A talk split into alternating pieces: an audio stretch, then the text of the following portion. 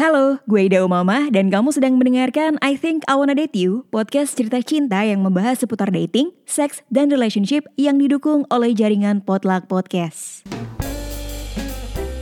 Kali ini gue akan membahas siklus atau tahapan relationship yang biasanya dialami oleh banyak orang. Idealnya nih di tahap mencari pasangan kita bisa aja loh ketemu sama someone dengan rentang waktu yang gak terlalu lama kenalan, kemudian kencan, lalu cocok, akhirnya menikah, punya anak, happily ever after gitu. Nah, itu adalah harapan kehidupan yang biasanya diamini sama kita. Idealnya begitu. Nyatanya, hidup nggak semudah itu pemirsa. Pasti ada aja deh konflik yang nggak tahu datangnya dari mana karena emang nggak ketebak Oke, gue akan memulai dengan keinginan seseorang untuk mencari pasangan hidup. Anggap aja memang udah dalam tahap butuh intimasi secara fisik maupun emosional.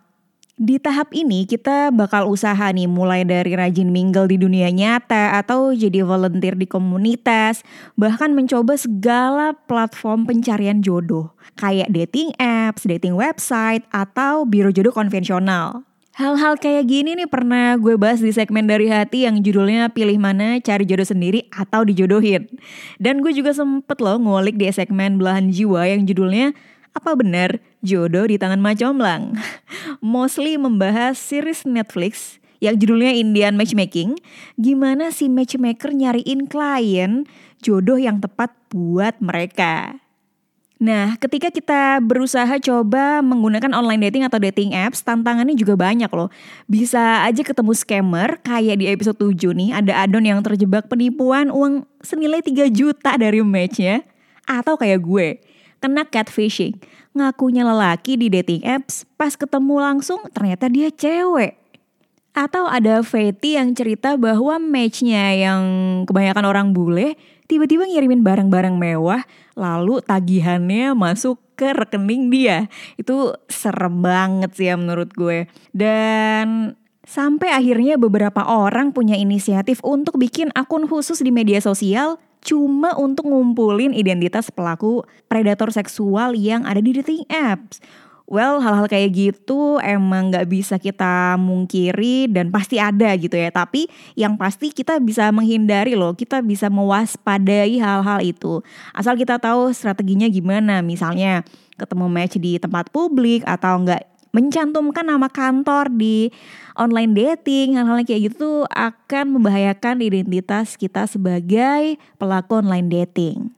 Menyadari dan mengetahui bahwa segala kemungkinan negatif pasti bisa terjadi di platform online dating, kita juga nggak bisa serta merta menjauh kemudian nggak mau mencoba sesuatu gitu ya. Buktinya nih, nggak sedikit loh orang yang ketemu pasangan hidupnya dari online dating.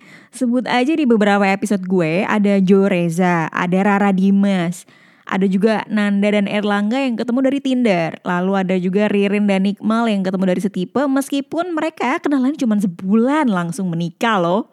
Atau nih ada juga orang-orang yang kayak Tari yang merasa dating app ini emang bukan buat gue ya karena gak cocok gitu. Ya sah-sah aja. Kalau lo tipikal orang yang gak pengen kenalan lama-lama, gak pengen pacaran langsung menikah, ya bisa aja misalnya lewat taruh.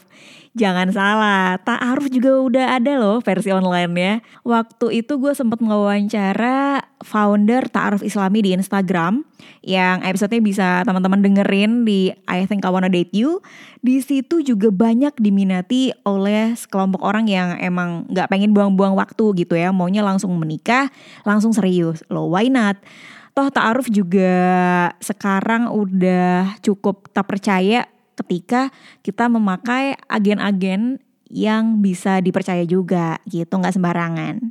Segala plus minus yang ditawarkan oleh beberapa platform dari media online ini emang membuat kita menjadi banyak pilihan ya. Tapi kan balik lagi nih, prefer yang mana dan lebih cocok buat gue tuh yang mana sih gitu kan.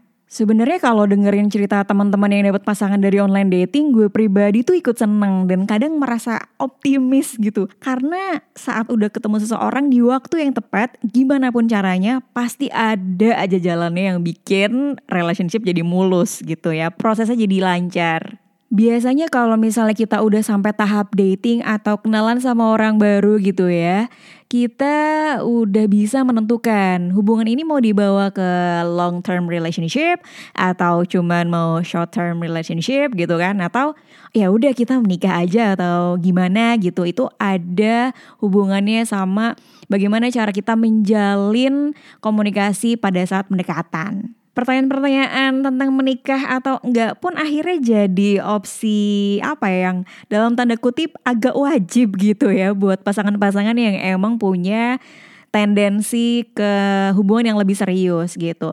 Dan menurut gue harusnya pilihan menikah atau enggak ini jadi hak tiap orang dan gak perlu diganggu gugat. Bisa gak sih masyarakat kita belajar untuk menormalisasi narasi punya pasangan tanpa harus nikah? Is it okay gitu kan?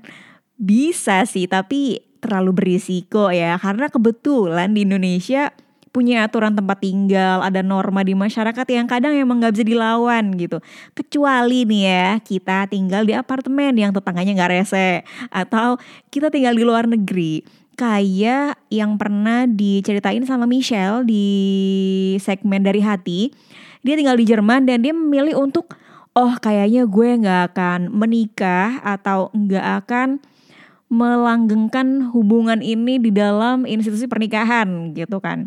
Atau nih ya, udah cocok ketemu seseorang yang kita merasa nyaman banget, merasa bahwa dia bisa ngimbangin setiap hal yang kita lakukan. Eh, ternyata tersandung tiang gitu loh. Ada tiang agama yang jadi tantangan atau hambatan. Ya, ini nih biasanya bakal bikin dilematis banget. Beberapa teman juga pernah curhat ya di episode yang judulnya Cinta Tapi Beda Agama yang ini salah satu episode terlaris di podcast I Think I Wanna Date You selama 2020. Wah itu luar biasa sih. Kayaknya emang cukup banyak yang ngalamin ya cinta beda agama dan mungkin sebagian kandas di tengah jalan, sebagian emang milih interfaith atau nikah beda agama dengan cara salah satunya pindah agama ya balik lagi ke pilihan kalau memungkinkan silakan dilakukan. Dan memang di Indonesia ini hitungannya berat ketika keluarga kita nggak mendukung keputusan kita. Karena lagi-lagi menikah bukan perkara dua orang manusia aja nih ya yang punya um, bisnis, tapi juga melibatkan dua keluarga besar yang mana pasti kompleks, ribet, bikin pening gitu ya. Kecuali kalau keluarganya nggak masalah atau ya keluarga open minded lah ya itu sebuah privilege banget menurut gue pilihan untuk nggak menikah juga biasanya dipilih sama orang-orang yang pernah atau sering diselingkuhin sama partner di relationship sebelumnya sehingga dia lebih memilih untuk hidup sendiri atau mungkin nggak sama status ikatan pernikahan gitu ya bagi beberapa orang cukup cukup jadi momok lah ibaratnya gitu dan iya oke, okay, gue bisa mengerti bagaimana kekhawatiran tersebut ada buat teman-teman yang pernah diselingkuhin, tapi ada juga loh kisah-kisah yang kayak Oji yang pernah gue undang ke podcast juga. Dia pernah diselingkuhi sama mantan istrinya, kemudian dia bercerai, lalu sampai pernah mencoba bunuh diri karena saking depresinya dia dengan hidup gitu. Dan di podcast, dia cerita bahwa dia akhirnya move forward dan mencari pasangan hidup lagi nih selama pandemi dan berhasil dapet cewek yang cocok. Pengertian sama dia. Padahal ceweknya ini belum pernah pacaran sama sekali dan Oji ini adalah pacar pertamanya buat dia. Tentu sebagai lelaki yang punya pengalaman buruk diselingkuhin sama mantan istrinya, yaitu memang transisi yang nggak mudah berdamai sama masa lalu, kemudian belajar untuk melanjutkan hidup dan menjalaninya lagi dengan pasangan yang baru. Oh iya, gue hampir lupa pengen mention salah satu istilah yang dua tahun belakangan ini rame banget diobrolin di media sosial ya. Soal toxic relationship. Nah, kenapa akhirnya rame diobrolin di media sosial? Banyak percakapan soal toxic relationship karena memang banyak terjadi juga ya kalau gue lihat di Komnas Perempuan data-data selama 2018 sampai 2020 banyak sekali kekerasan dalam hubungan yang terus meningkat dari tahun ke tahun. Baik yang dalam masa pacaran ataupun dalam ikatan pernikahan. Mungkin kalau sulit ngebayangin toxic relationship itu kayak gimana realnya, kita bisa ambil contoh kecil di film Story of Kale, garapan Angga Sasongko.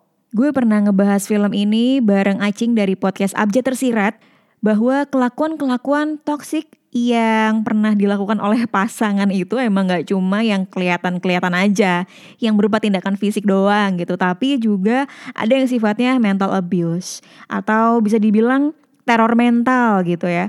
Dan kalau kita nggak sadar lama-lama gawat juga. Nah kalau udah kayak gitu, apalagi yang mau atau perlu diperjuangkan dalam sebuah hubungan gitu, karena udah nggak sehat ya. Mungkin teman-teman sering atau pernah dengar kredo ini nih. Cinta itu harusnya bikin bahagia, bukan malah bikin sakit hati.